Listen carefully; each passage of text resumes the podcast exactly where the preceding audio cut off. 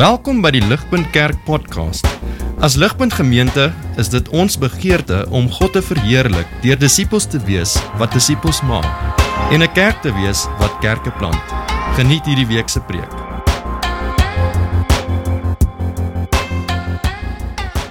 Dit bring ons nou na vanaand se teksgedeelte in hoofstuk 9 en ons gaan die bekering van Saulus sien op die pad van Damaskus. Sy ander naam is ook Paulus, dit is sy latynse naam. Ehm um, hierdie uiterste ryk teks. Dit het groot implikasies vir ons vanaand en dit het ook reg hierdie eeu heen groot invloed gehad op mense en in hulle geestelike lewenswandel.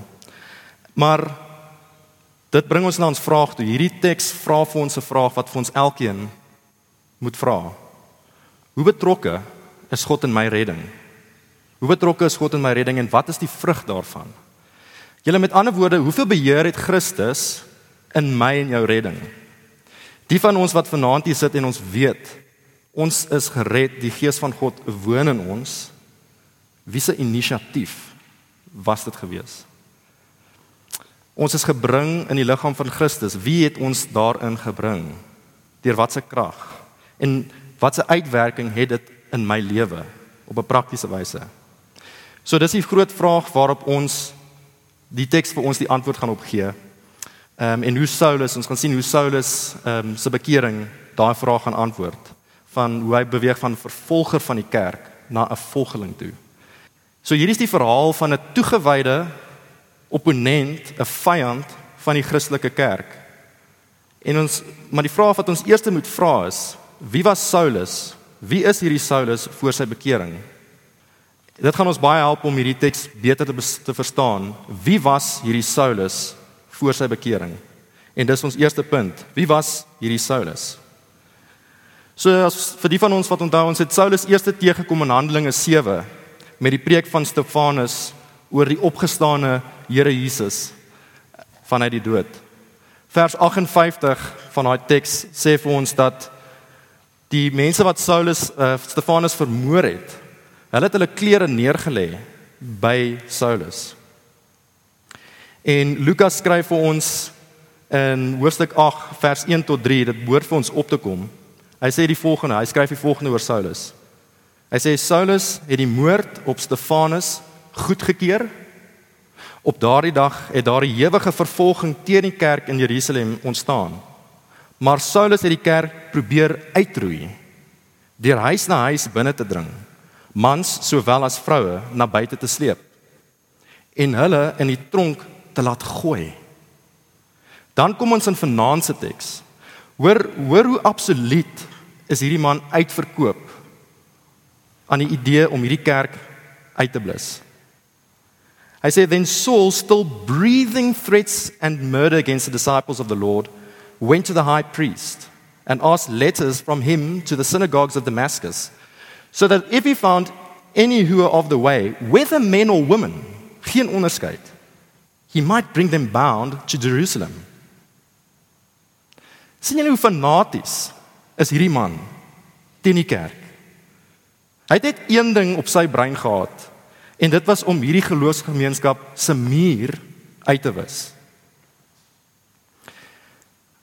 Die teks sê hy het nie die Christene gedreig nie, maar he was breathing threats. Dis asof die die die liggaamsasem wat hierdie man om die lewe gegee het is om hierdie kerk te vervolg. Dis sy suurstof, dis sy identiteit, dit is wie hy is om hierdie kerk te vervolg. He's breathing threats and murder. Hy hy so gevange geneem deur sy hart vir Jesus en sy kerk dat hy selfs 240 kg optrek van Jerusalem af tot by Damaskus. En onthou daai tyd het ons nie karre gehad nie. Dis dis hoe dis hoe absoluut hierdie man eensgesind was in sy vervolging. Daai's ywer. Ek meen 'n normale mens ek dink nie ons sal so iets doen nie. Ons sal nie so iets doen nie. Maar die logiese vraag wat ons onsself moet afvra is hoekom?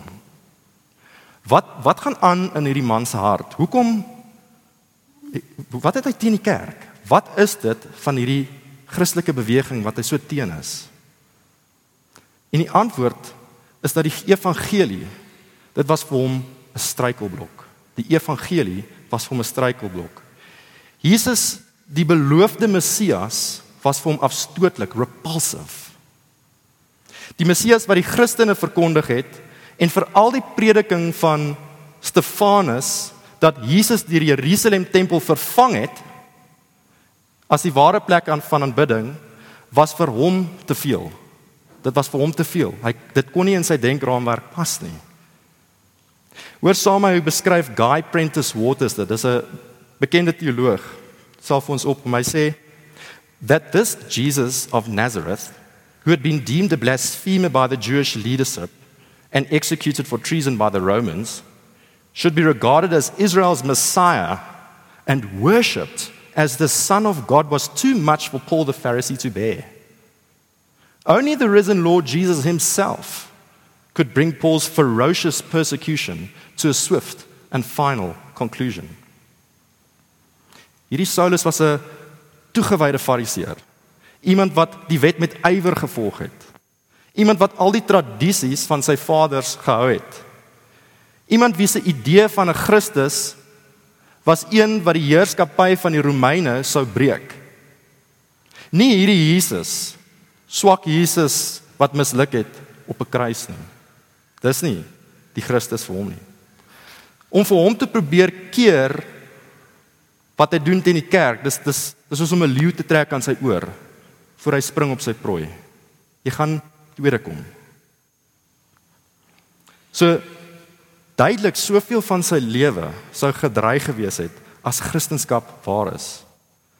Hy het al alreeds so 'n sterk standpunt ingeneem teen Christendom dat dit sou vernederend wees vir hom as hy nou moet verander van 'n vervolger na 'n volgeling toe. Dis so goed en wel 'n fanatiese ateïs vandag wat ewig gekant is teen die Bybel wat God ontken, nou ewe skielik die woord aanvaar en God erken. Iets radikaal moet gebeur. Iets radikaal. En julle dis wat die teks wil hê ons moet sien. sien ons die haat wat hierdie man gehad het. Saulus was in geen by om die waarheid van die Christelike geloof aan te neem nie. sien ons hy het sy, sy brandende passie om hierdie beweging uit te wins. sien ons sien ons sy genadeloosheid teenoor hierdie gelowiges. Dat hy hulle vang en in die tronk gooi en nie skaam is om hulle te wil dood hê nie. Dis die tipe persoon wie Saulus was voor sy bekering. Radikaal. As ek en jy 'n vriend of 'n vriendin in hierdie aanddiens moet verloor as gevolg van 'n Saulus vandag in ons midde, Dit sal vir ons moeilik wees om so iemand te vergewe.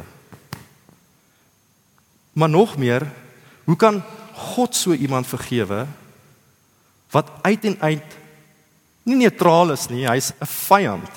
Hy's 'n vyand van die kerk. Hy's 'n vyand van God se koninkryk. Hy doen Satan se werk. Hy rebelleer dan teen Jesus se heerskappy. Hoe hoe kan God so iemand vergewe? Hy vervolg nie net die kerk as 'n liggaam nie, hy vervolg Jesus self. Jesus sê daar in vers 5: "Saul, Saul, why are you persecuting me?" Hy vervolg nie mense nie. Indirek, hy vervolg Jesus Christus. Dis soos een Jesus en sy mense is. Om Christene te vervolg is om Jesus te vervolg. So kom ons sien hierdie dinge raak. Maar is dit waar ons stop vanaand? Wat lees ons verder? En dit is dat Jesus die onverwagte ding kom doen. Jesus het ander planne. Wat was dit? En dit bring ons na ons tweede punt toe. En ons gaan fokus nou op verse 3 tot 19. En dit is Jesus gryp in. Jesus gryp in in hierdie man se lewe. So hoor net saam met my weer verse 3 tot 9. Volg saam in julle Bybels as julle dit het. Die teks sê vir ons as he journeyed he came near Damascus and suddenly a light shone around him from heaven. Then he fell to the ground and heard a voice saying to him, Saul, Saul, why are you persecuting me? And he said, Who are you, Lord? Then the Lord said, I am Jesus whom you are persecuting. But arise and go into the city, and you will be told what you must do. Then Saul arose from the ground, and when his eyes were opened, he saw no one, but they led him by the hand and brought him into Damascus. And he was there three days without sight, and neither ate nor drank. So dis wat gebeur het op hierdie Damaskus pad. Verteer deur sy hartstog om hierdie beweging te stop. Alles lyk normaal soos hy op pad gaan. Maar skielik asof die lig aangeskakel word, helderder as die middagson. Daar is die glorieryke majesteuse opgestane Here Jesus Christus. Die fisiese verskynsel van hom in sy glorie. En hy kom ontmoet hierdie man terwyl hy die kerk vervolg.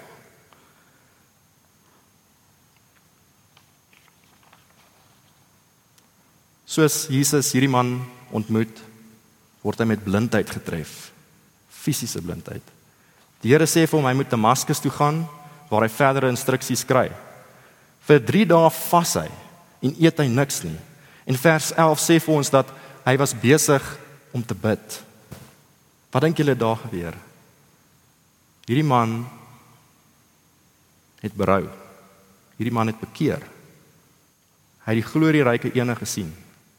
Die Here Jesus Christus. Die punt hier vanaand is aandiens is dat hierdie man het nie Jesus gaan soek nie. Jesus het hom gaan soek. Daardie een ontmoeting met die seun in sy glorie het sy hele lewe verander. Hy besef dat hierdie evangelie, hierdie Jesus is die glorie van God. Hy is die verhewe koning oor die heelal, die koning van Israel wat nou sit aan die regterhand van die Vader. Hy is die een ironies genoeg waarna die Ou Testament geprofeteer het wat hierdie man so goed geken het. En dis die evangelie julle. Die evangelie is nie net 'n konsep nie, dis nie net 'n idee nie. Die evangelie is hierdie persoon, die Here Jesus Christus. God in die vlees. Dis wat Saulus se siel aangegryp het. Dat hierdie die Here van glorie was. Daarna sien ons in verse 10 tot 19 hoe Jesus toe verskyn aan Ananias en gee aan hom die opdrag om sy hande te gaan oplê op Saulus en om Saulus te doop. Maar Ananias was natuurlik, hy's aanvanklik huiwerig. Hierdie man het dan na die kerk vervolg. Hoor wat sê hy in vers 13. Hy sê: "Here, ek het by baie mense van hierdie man gehoor, van al die kwaad wat hy die heiliges aangedoen het." Maar die Here verseker hom dat hy vir Saulus uitverkies het as 'n uitverkore werktuig om sy naam te dra. Hy sê in vers 15 dat he's a chosen vessel, a chosen instrument to carry my name forth. Julle niks hierso was per toeval nie. sien ons dit raak. Elke gebeur, gebeure was Jesus was in beheer. Niks hier was per toeval nie. Ons sien dit hier vanaf Jesus se verskyning aan Saulus op die Damaskuspad tot en met Ananias. God was ten volle betrokke in sy bekering, in sy redding. Hy was in beheer van al die gebeure. So julle, dis nou wat die teks oor gaan. Wat wil vanaand se teks vir ons kom leer? En julle, dis die lering dat verlossing begin by en eindig met God. Julle met ander woorde, verlossing is 'n een eensidedige inisiatief van God. Is a one-sided sovereign act of God. Jesus verskyn aan Saulus. Jesus neem die inisiatief. Hy vra nie vir Saulus op die Damaskuspad, Saulus, nooi my in jou hart in nie. Jesus is hier totaal en al autoritatief. Hy sê vir Saulus presies wat Saulus moet gaan doen. Die soewereine, kragtadige werk van 'n soewereine God van hierdie Here Jesus Christus, dit het hom verander. Saulus het nie begin anders te dink, anders te menings gehad, 'n bietjie intellektuele redenasies met homself gehad nie. Hy het nie daai krag gebruik nie. Nee, aandien sien ons dat hy het gedink hy doen die regte ding terwyl hy die kerk vervolg. Hy het nie vir Christus gekies nie. Hy was besig om die kerk te vervolg. Dit was Christus wat in sy lewe ingekom het. Terwyl hy 'n sondaar was, terwyl hy in die daad was om die kerk te vervolg, het Jesus ingebreek in sy lewe. Terwyl hy 'n vyand was. Besef ons aandiens dis ons harte ook. Dis hoe ons harte was voor ons gered is. Elkeen van ons wat glo vanaand het met daai selfe hart gesit. Voor Jesus ons gered het, was ons 'n tipe Saulus. Vyande van God, bewustelik of onbewustelik. Hoor Kolossense 1 vers 21, dit gaan vir ons opkom. Hy sê ook ons was voorheen van hom vervreem, ja, vyandig gesind teenoor hom op grond van ons slegte dade. En as gevolg het ons geen geestelike newe nie. Hoor verder in in, in Efesiërs 2 vers 1 en 2. Dit sê as for you you were dead in your transgressions and sins in which you used to live when you followed the ways of this world and of Satan. Iemand mag vir ons dan nou vra maar Johan, waar kom waar kom ons sondige neigings vandaan? Hoekom hoekom is dit waar van ons hierdie? Hoor wat sê Martin Lloyd Jones, 'n baie bekende predikant van die vorige eeu. Hy vra: Why is it that man, die hele mensdom, mans en vroue, ever chooses to sin? The answer is that man has fallen away from God due to Adam's rebellion. And as a result, his whole nature has become perverted and sinful. Man's whole bias is away from God. By nature, he hates God and feels that God is opposed to him. His God is himself, his own abilities and powers, his own desires. He objects to the whole idea of God and the demands which God makes upon him. Furthermore, man likes and covets the things that God prohibits and dislikes the things and the kind of life to which God calls him. These are no mere dogmatic statements, they are facts. They alone explain the moral muddle and the ugliness that characterize life to such an extent today. Julle sien ons die ewige dilemma waarin ons onsself bevind. Dis die aard van elke een van ons. Julle as dit ons neiging is om te wil sondig, as dit ons aard is, julle hoekom sal ons dan enigstens na Jesus toe wil gaan? as ons hom nie eers wil soek nie in daai sondige neiging. Wat se hoop het ons, julle? Besef besef die gewig daarvan. Ons harte word getrek deur die liste van ons sonde. Ons wil dit doen, ons wil daarin wandel. How is it that any person has ever come out of that morass of human rebellion and being under the wrath of God? Dis wat Lloyd Jones vra. Hoe kom ons daar uit? Hoe kom ons daar uit? Efesiërs 2 vers 4 tot 9. Hier hoor hierso julle, dit is so ryk. But God being rich in mercy because of the great love with which he loved us, even when we were dead in our trespasses, made us alive together with Christ. For by grace you have been saved through faith. And this is not your own doing, it is the gift of God, not a result of works, so that no one may boast. Julle dis ons onverdiende en enigste hoop vanaand is die genade en die inisiatief van God. But God. But God. Dis die evangelie. But God.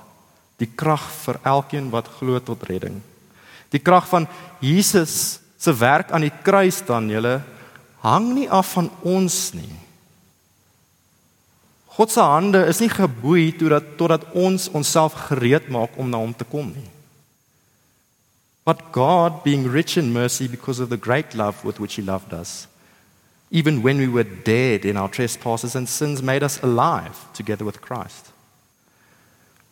Martin Lloyd Jones sê hoor wat hy sê hy sê net the, the the glory of the gospel is that it can take hold of a man of any kind of temperament and psychology conceivable. You see the gospel does not depend on us but upon the power of God. Dis dis wat bedoel is in Romeine 5 vers 6. Hy dit sê daarvoor when we were still without strength in due time Christ died for the ungodly.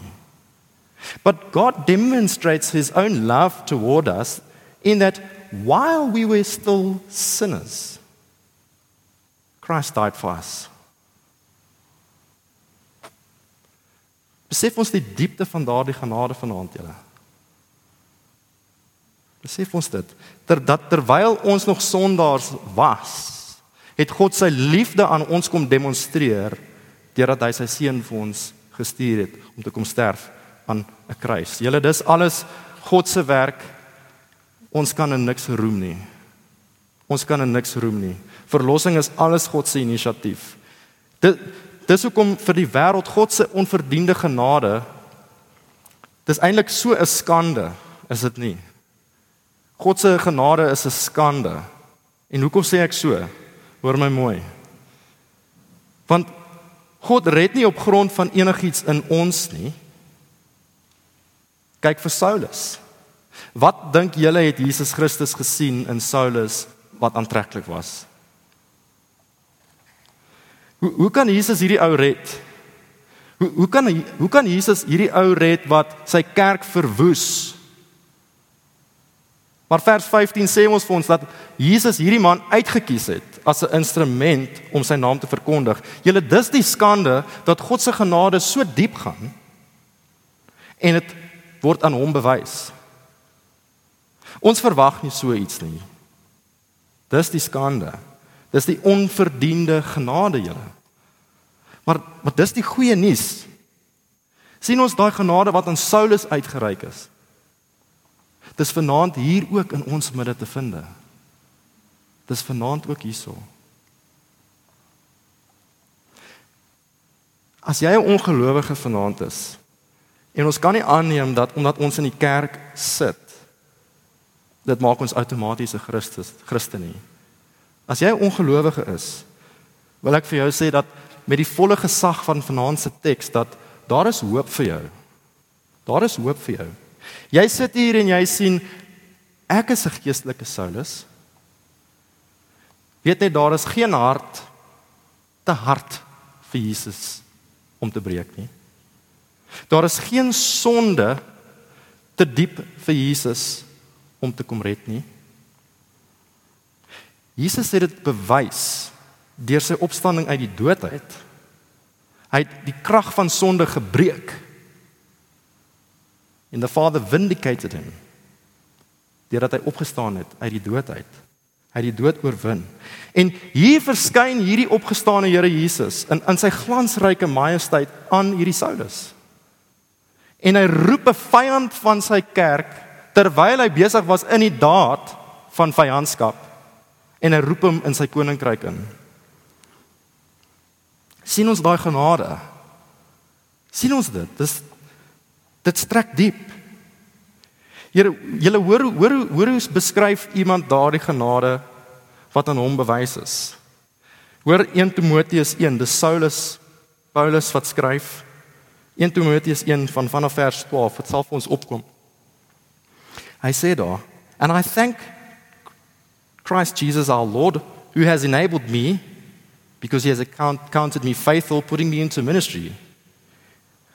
Although I was formerly a blasphemer, a persecutor, and an insolent man, but I obtained mercy because I did it ignorantly in unbelief. And the grace of our Lord was exceedingly abundant with faith and love which are in Christ Jesus. Hoor julle? This is a faithful saying and worthy of all acceptance that Christ Jesus came into the world to save sinners of which of whom I am the chief. of whom I am chief. However, for this reason, I obtained mercy that in me, first Jesus Christ might show all long suffering as a pattern to those who are going to believe on him for everlasting life. As jy vanaand hier sit en jy's 'n ongelowige, as God vir Saulus kan red, the chief of sinners, kan hy nie ook jou red nie? Kan hy nie ook jou red nie? Vanaand as jy sy stem hoor, pleit ek by jou, moenie jou hart verhard vir hierdie evangelie nie. If a man is saved, it is because God has saved him. But if a man is lost, that is to be attributed to his own rejection of the gospel and his rebellion against God's way of salvation. Dis wat Martin Lloyd Jones sê. En jy kan nie stry daarmee nie. Maar Jesus beloof vir jou, as jy vanaand hier sit, hy wat na my toe kom, sal ek nooit verwerp nie. Kom na hom toe soos jy is. Jy hoef jouself nie geskik te maak nie. Hy verander jou. Kyk wat het hy met Saulus gedoen. Die troon van genade lê oop, jy vlug na Christus toe. Vlug na hom toe. Ek smeek, hy is al een wat ons kan red van God se regmatige straf wat oor jou hang. En elkeen van ons, as ons nie in Jesus glo nie, ervaar daai straf, God se toorn en woede. En daar is saligheid, daar's redding in niemand anders nie julle. Dis die evangelie, want dis die goeie nuus, want Jesus het kom red wat verlore was. Ons kan nie onsself red nie. En vir ons as gelowiges wil ek net vir ons opnuut wys die genade van ons Here Jesus Christus in my en jou redding. Hoekom vra jouself die vraag, hoekom het Jesus jou gered? Hoekom het Jesus jou gered persoonlik? Onthou jy die hart wat jy gehad het voor jou bekering, uh die lewe wat jy gelei het? Ek meen ek kan my hart onthou. Ons ons het hom nie gesoek nie. Ons het nie Jesus gesoek nie. Ons was gebore in stonde, ons verstand was blind, ons harte was bankrot. Ons wil was gebonde aan ongeregtigheid. Wat het Jesus ons gesien wat mooi was? Julle daarom die wonder is is dat ons gered is. Die wonder is is dat ons enigsins gered is. Dat hierdie Jesus ons kom versoen het met die Vader. En hy het sy gees nou kom uitstort in ons en hy woon in ons harte. Maar God het gered en dis die goeie nuus as jy vanaand glo. God het jou gered en hy het jou gered op sy tyd. Hy het jou gered op sy tyd. Kyk vir Sauliens weer eens, julle. God het die preek van Stefanus gebruik om sy hart stadig maar seker af te breek en voor te berei. Onthou jy Stefanus het ook gebid daar aan die einde voor hy dood is. Here, reken hierdie sonde nie toe aan hulle nie. Daai was kragtige gebed. En dit het definitief ook 'n uitwerking gehad op Saulus se pad van verlossing. Julle God het dit gebruik om Saulus te red op sy tyd om Saulus te red op sy tyd. En na die Damaskus oomblik sien ons hoe God verder alle gebeure rondom Saulus se situasie ten gunste van hom gebruik het. Ehm um, soos ons gesê het soos aan Ananias gesê het hy moet ook na Saulus toe gaan. Al daai gebeure. Die punt is julle God het elkeen van ons se voetstappe gerig en mense in ons lewens gebring om te red op sy tyd. Nes Saulus. As ek terugkyk na my eie lewe, ek sien die mense wat ek mee gesprek gehad het voor my bekering, die die gebede van gelowiges wat vir my gebid het. Ek was nog nie 'n Christen nie. Maar God het in sy soewereiniteit al daai gebede gebruik, soos snaaks soos YouTube video's, preke, boeke.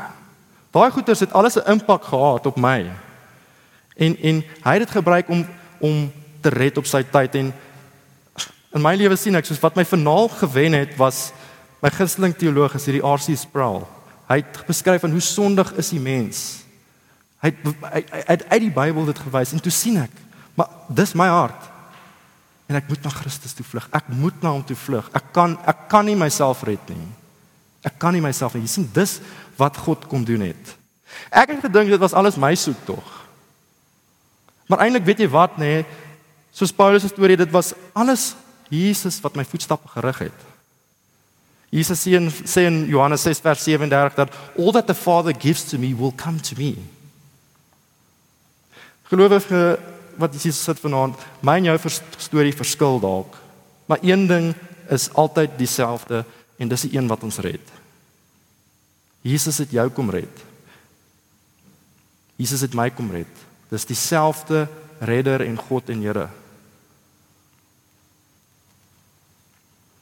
So dan ook Christen saam met dit moet ons ook geduld hê vir daardie vriend, vriendin, familielid, werkskollega wat jy dink is te verlore.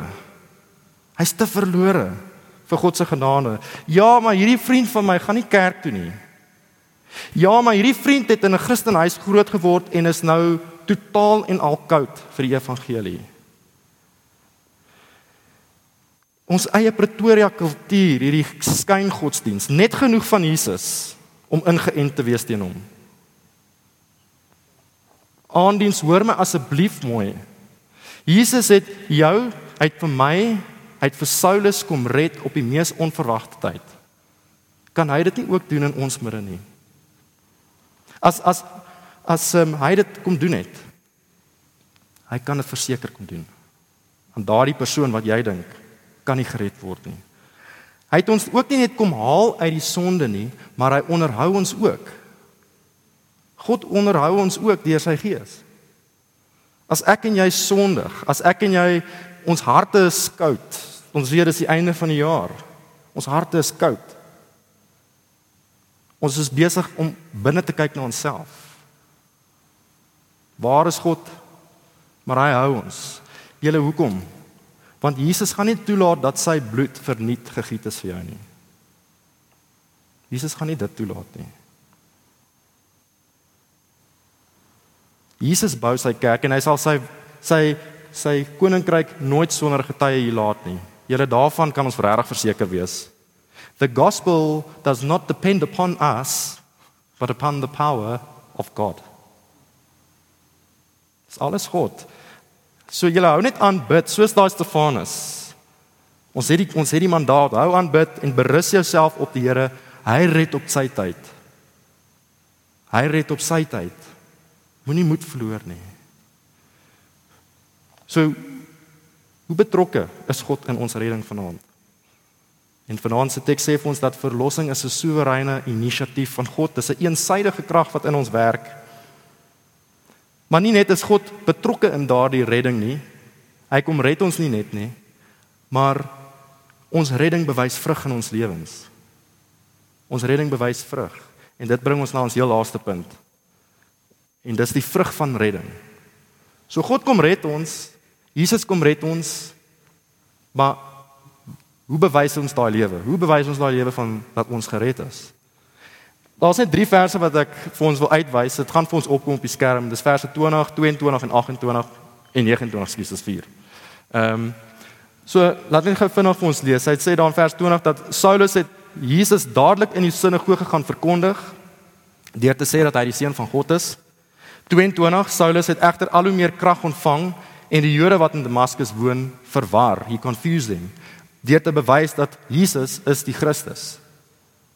In 28 saam met die disippels het hy in Jerusalem gekom en gegaan en met vrymoedigheid in die naam van die Here gepreek. Hy het ook met die Grieksprekende Jode, the Hellenists, gepraat en geredeneer, maar hulle het hom probeer doodmaak. So daai vier as um, as jy dit net daar kan los vir ons Piet. Ehm um, wat ek vir ons net wil wys is die vraag is wat sien ons hierso? Wat sien ons hierso dat en dis dit dat die soewereine hand van God in ons redding dit lei na 'n veranderde lewe. 'n Veranderde lewe. Dit dra vrug. En die twee dinge wat ons hier gaan sien is die een vrug is byvoeging tot die kerk, die geloofsgemeenskap en die tweede ene is diensbaarheid, diensbaarheid. So die eerste ene met byvoeging tot die kerk. So ons sien in die 28ste vers Saulus het saam die disippels gekom en gegaan. In vers 19 sê dit Saulus was gedoop, so dit beteken hy was ingelyf tot die liggaam.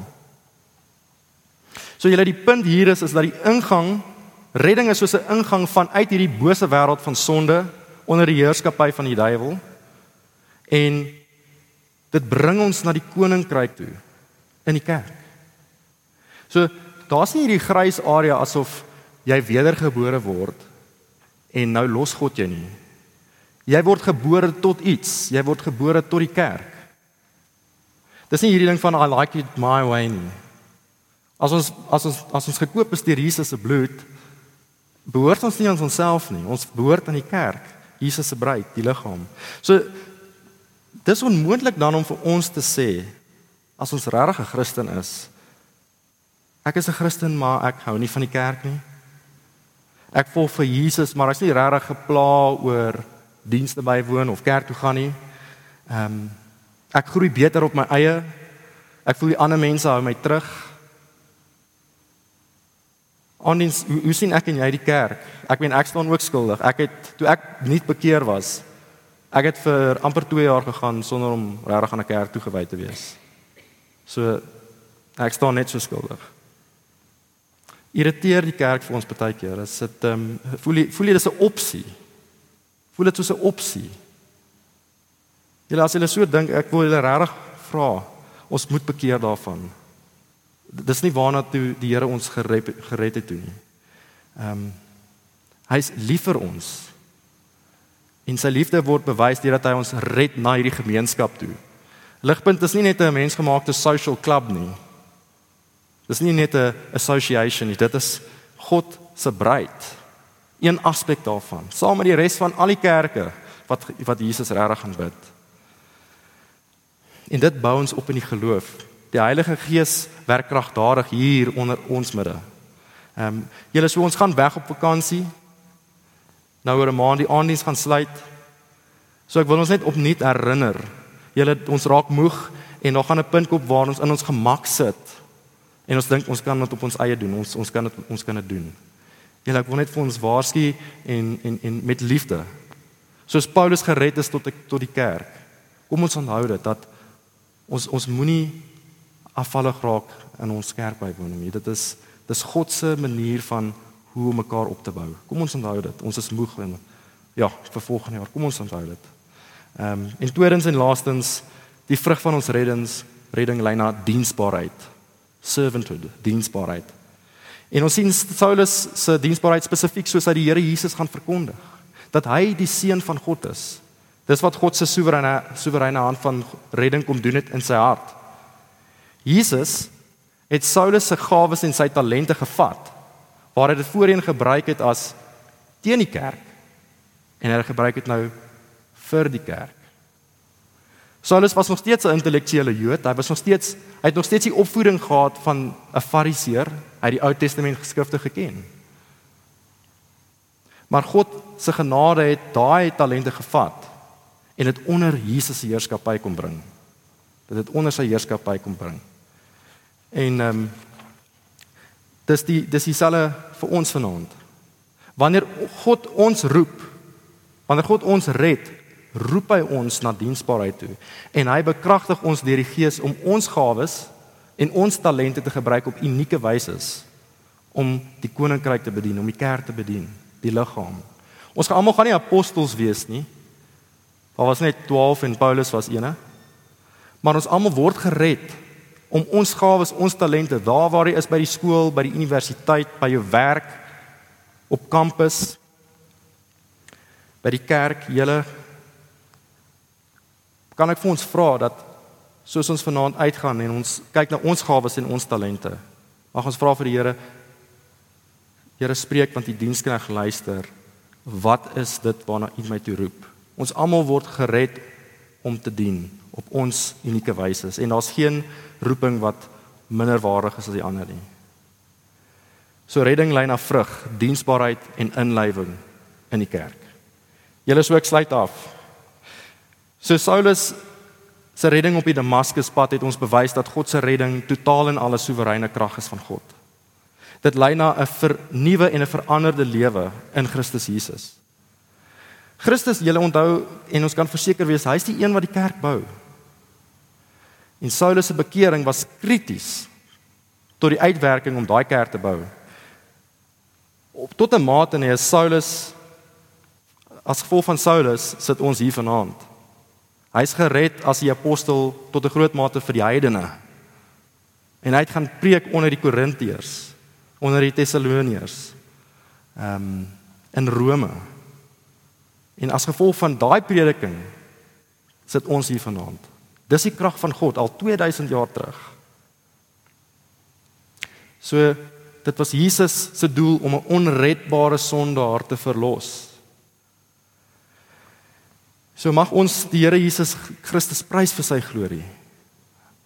Wat hy gedoen het in Saulus en die uitwerking wat dit het, het vanaand in ons gemeente. Here mag ons saam met Timoteus ehm um, saam met Paulus bely soos hy aan Timoteus geskryf het. Hy sê daar in 1 vers 17, "Now to the King eternal, immortal, invisible, to God alone who is wise, be honor and glory forever and ever.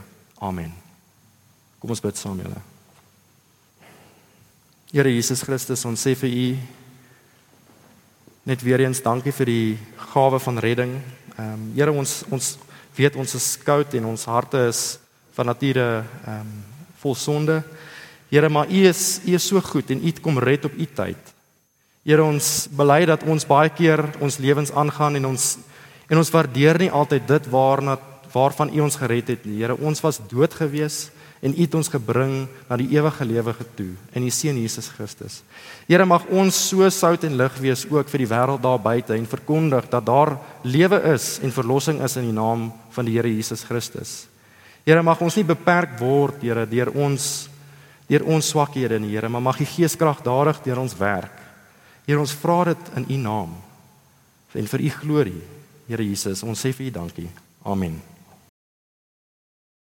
Vir meer inligting oor Ligpunt Kerk, besoek gerus ons webwerf op www.ligpunt.com of kontak ons gerus by info@ligpunt.com